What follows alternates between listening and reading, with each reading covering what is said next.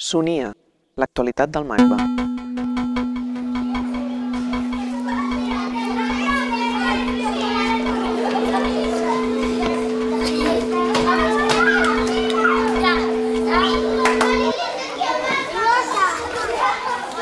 Les Magnet Schools van néixer als anys 70 als Estats Units amb l'objectiu de combatre la segregació racial que es donava a les escoles públiques d'entorns desfavorits.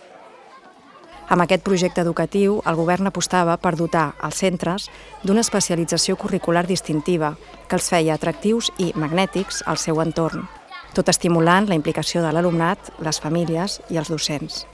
S'intentava així reconfigurar la composició social del centre i millorar-ne els resultats acadèmics. Ara, la Fundació Jaume Bofill i el Departament d'Ensenyament han engegat a Catalunya el projecte Magnet Aliances per a l'èxit educatiu. El projecte s'inspira en el model nord-americà per posar en contacte institucions científiques i culturals de referència amb centres educatius que requereixen una revitalització o atenció especial. Amb aquestes aliances, els centres triats podran desenvolupar projectes educatius innovadors i de qualitat que contribuiran a augmentar la demanda de matrícules i a convertir-los en pols d'atracció en el seu territori. El programa ha començat com a fase pilot en tres escoles de primària i un institut de Barcelona i s'anirà ampliant en els pròxims anys. Les institucions que participen en aquesta primera etapa són el MACBA, TV3 i l'Institut de Ciències del Mar, el MACBA col·laborarà directament amb l'Escola Josep Maria de Sagarra i l'Institut Moisès Brogi. Sonia parla amb Roser Argemí, responsable del projecte a la Fundació Jaume Bofill, sobre les particularitats del model català, el perfil dels centres triats i les diferents modalitats d'aliances que s'estan establint. Les Magnet Schools Americanes, una alternativa a la segregació escolar. Les Magnet Schools van néixer als Estats Units als anys 70 amb una idea de precisament combatre la segregació escolar, la segregació racial, sobretot a l'escola pública americana. Val? I una mica l'aposta va ser no tant fer unes polítiques doncs, impositives que afectessin l'elecció de centre per a les famílies, sinó al contrari, fer una política més de seducció que el que fes és no tentar el dret a l'elecció de centre de les famílies, que és un, un concepte molt estès i molt defensat pels americans, sinó que el que fes precisament pujar el nivell de l'escola pública de manera que fes que fos atractiva per les, per les famílies. No? I una mica la idea de les, de les Magnet era, era aquesta, millorar la composició social dels centres, per tant fer que els centres tinguessin una diversitat de perfils d'alumnat i de famílies, però a través d'un projecte potent, innovador i atractiu.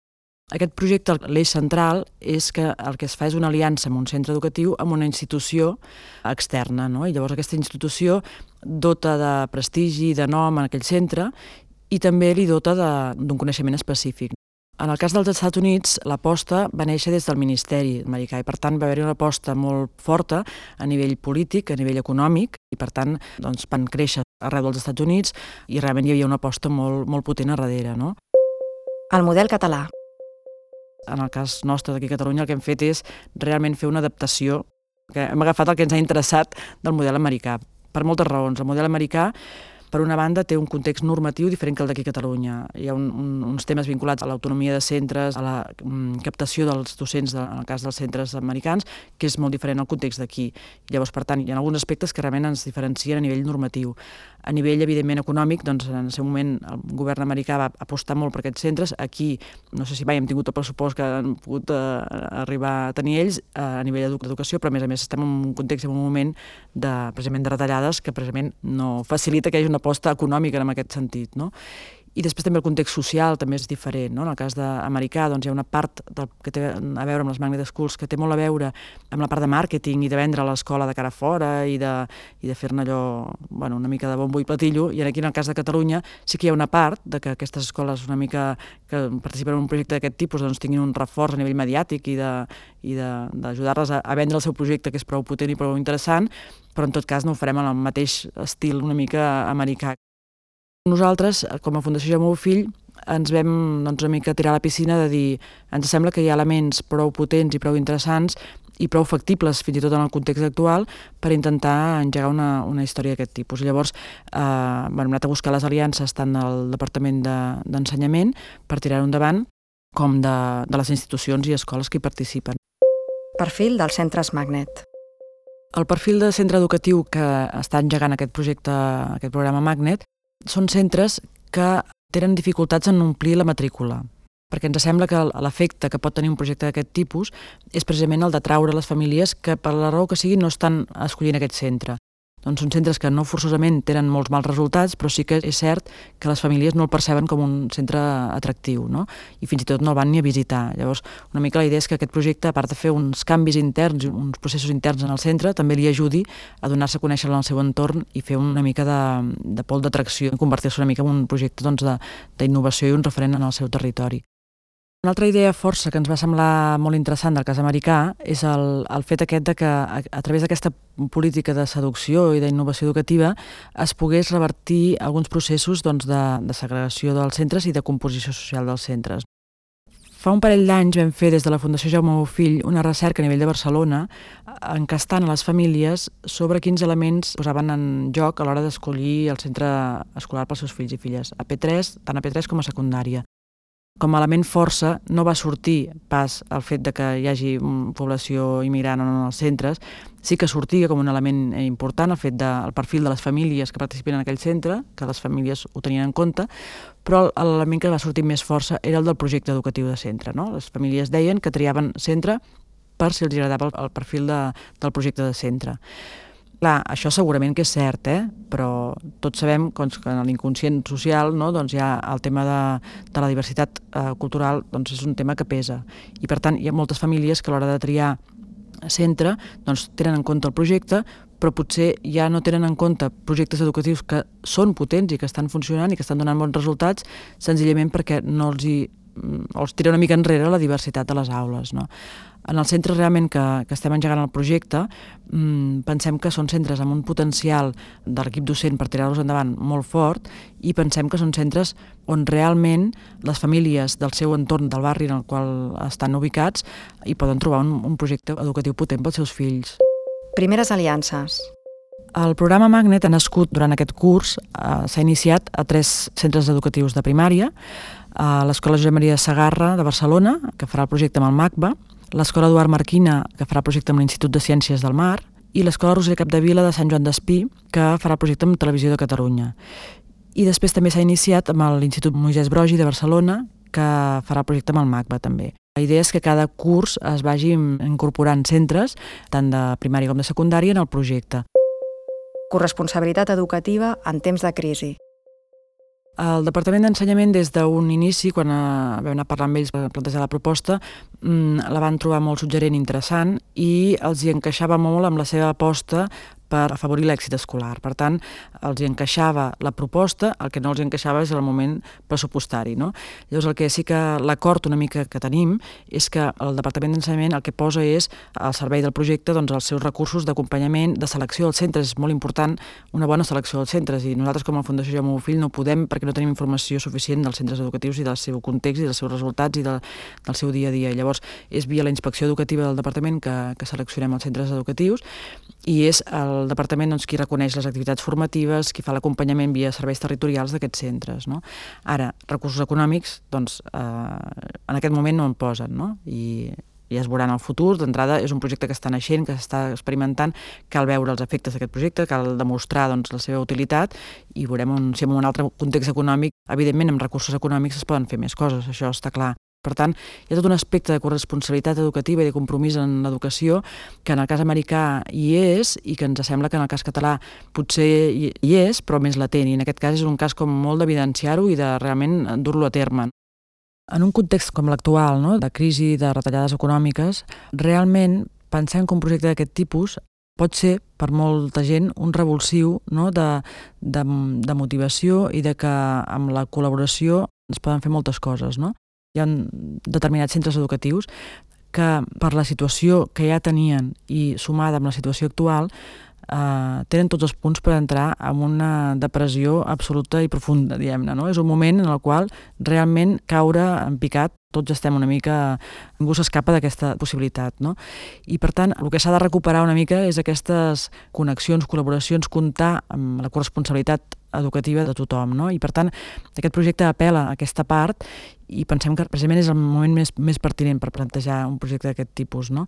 en el qual, si partíssim de la hipòtesi que tothom hi ha de posar, ha, ha de treure un feix de bitllets, ja l'avortaríem des del primer dia. I en canvi no estem parlant d'això, en el fons tots hi posem recursos econòmics, perquè temps vol dir recursos econòmics, però no ens suposa un dalt a baix ni organitzatiu ni pressupostari a cap de les institucions implicades. I això vol dir doncs, que amb el granet de sorra que posem tots podem construir una cosa que el que té de bo és això, és que és positiva, motivadora, engrescadora i que en un moment com l'actual, doncs, realment en alguns centres educatius ja hem vist un potencial enorme i ha sigut una injecció d'energia molt potent s'han de trobar en el moment actual el màxim de respostes més imaginatives. No? Jo crec que el dret a la queixa i a sortir al carrer i a fer vaga quan calgui és superimportant, però també és important no només anar cultivant això, sinó que també al mateix temps està construint alternatives que, que per força aquesta crisi ens ha fet aprendre i ens ha, o ens ha fet re, reaprendre. Una aposta per la innovació educativa. Per una altra banda, hi ha tota la, la idea aquesta de la innovació educativa via un eix, una àrea de coneixement específica, no? que també és un eix molt interessant, no? que a nivell de Catalunya també ja fa bastant temps que es parla molt de com treballar per competències en educació, de com trencar amb l'estructura de, de l'ensenyament per, per assignatures, per matèries, per horaris, i ens sembla que aquesta proposta també és un element que va a favor doncs, una mica doncs, de tota la gent que fa, i molts centres educatius que ja fa temps que estan intentant innovar en aquest aspecte, no? intentar eh, treballar més per competències, més per, per eixos de coneixement que siguin molt motivadors pels alumnes i per les famílies, i també pels docents, jo diria. Un projecte d'aquest tipus en el qual una institució transfereix un coneixement en el centre educatiu home, d'entrada espanta una mica, perquè es diu, ostres, i com ho faig això? En els centres educatius, com, per on començo, com ho faig?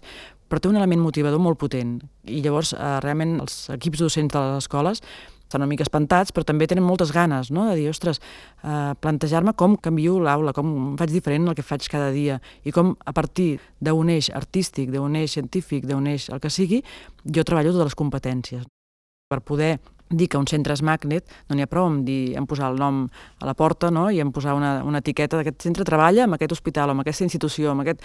no n'hi ha prou, sinó que el dia a dia del centre realment ha de traspoar això. No?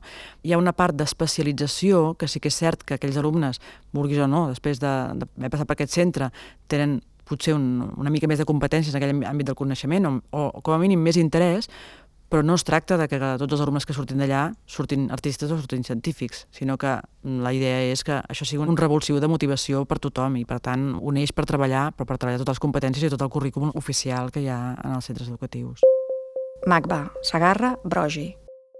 En el cas de l'Institut Brogi, que de fet ells ja venien, eh, havien començat aquest curs a implementar un projecte de, una experiència de treball per projectes, i que per tant una mica els hem enllaçat amb aquesta motivació que ells ja tenien amb aquesta primera experiència incipient que ja tenien, el que fan és que un dia a la setmana treballen a partir d'un projecte artístic que han agafat un eix eh, cada trimestre. El primer trimestre era el retrat, el segon trimestre era mm, conec el meu centre i el tercer trimestre era conec el, el meu barri, el meu entorn. Llavors, a partir d'aquí, han fet des de fotografies, retrat, dibuix, etc però al mateix temps han estat treballant totes les competències i això ho feien els dijous doncs, amb els professors docents de les diferents matèries, és a dir, el de ciències, el de mates, el de llengua, el d'anglès, i cada hora sí que estaven aquella hora amb el de ciències, però estaven via el retrat parlant de la mirada de les mosques. Val? I, per tant, estaven fent ciència, però via l'excusa del retrat, en aquell cas, no? per exemple.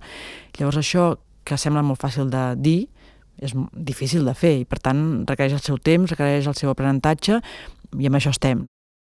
Sí que pensem que si realment volem dir que aquest centre té una especificitat o té un projecte singular vinculat a una institució determinada, això s'ha de notar en el seu dia a dia d'aula i és difícil fer-ho d'una manera que no sigui plantejant eh, treball per competències, perquè si no cauríem amb que això, a l'hora que fan eh, no, en plàstica, doncs fan un treball artístic molt potent i molt interessant, però la resta d'hores se n'obliden de que estan en aquest projecte, no?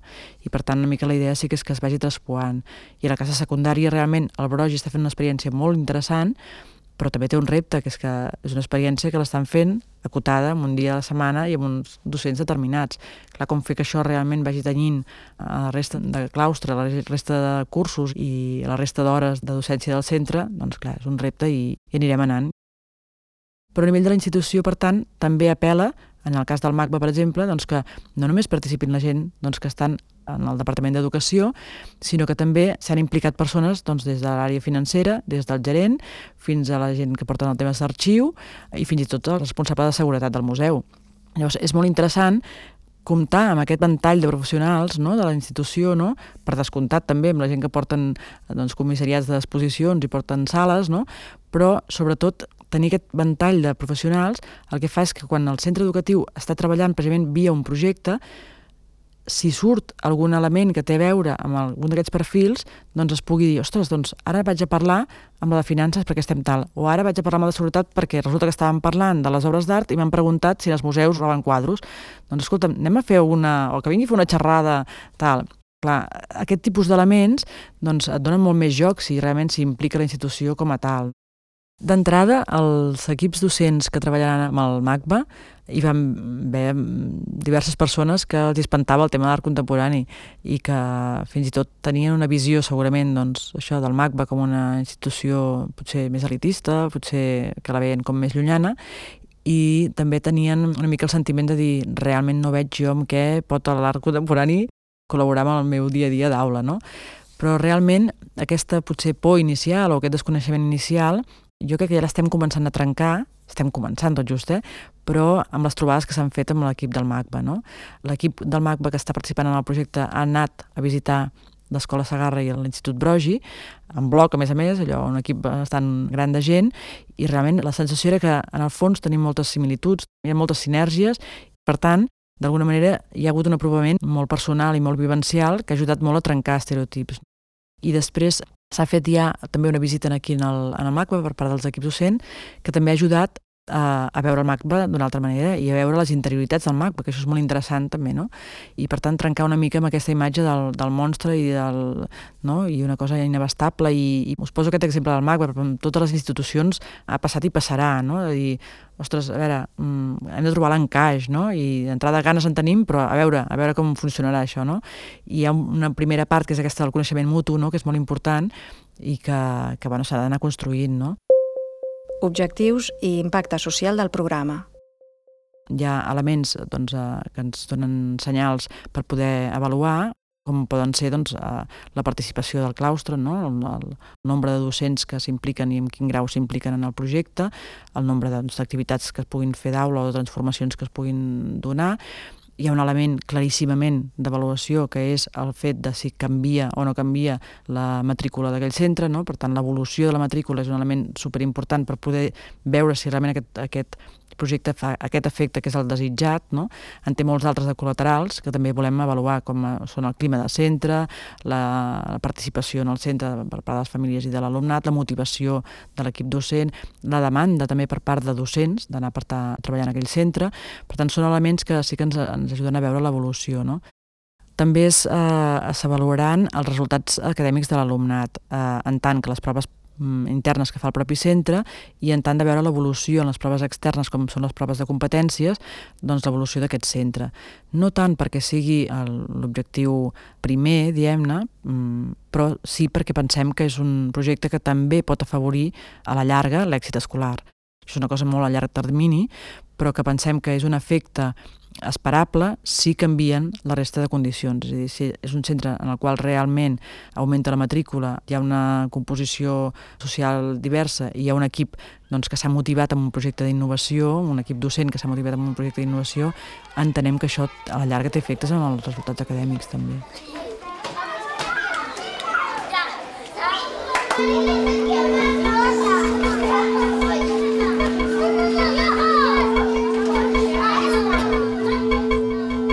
Magba Pungkat.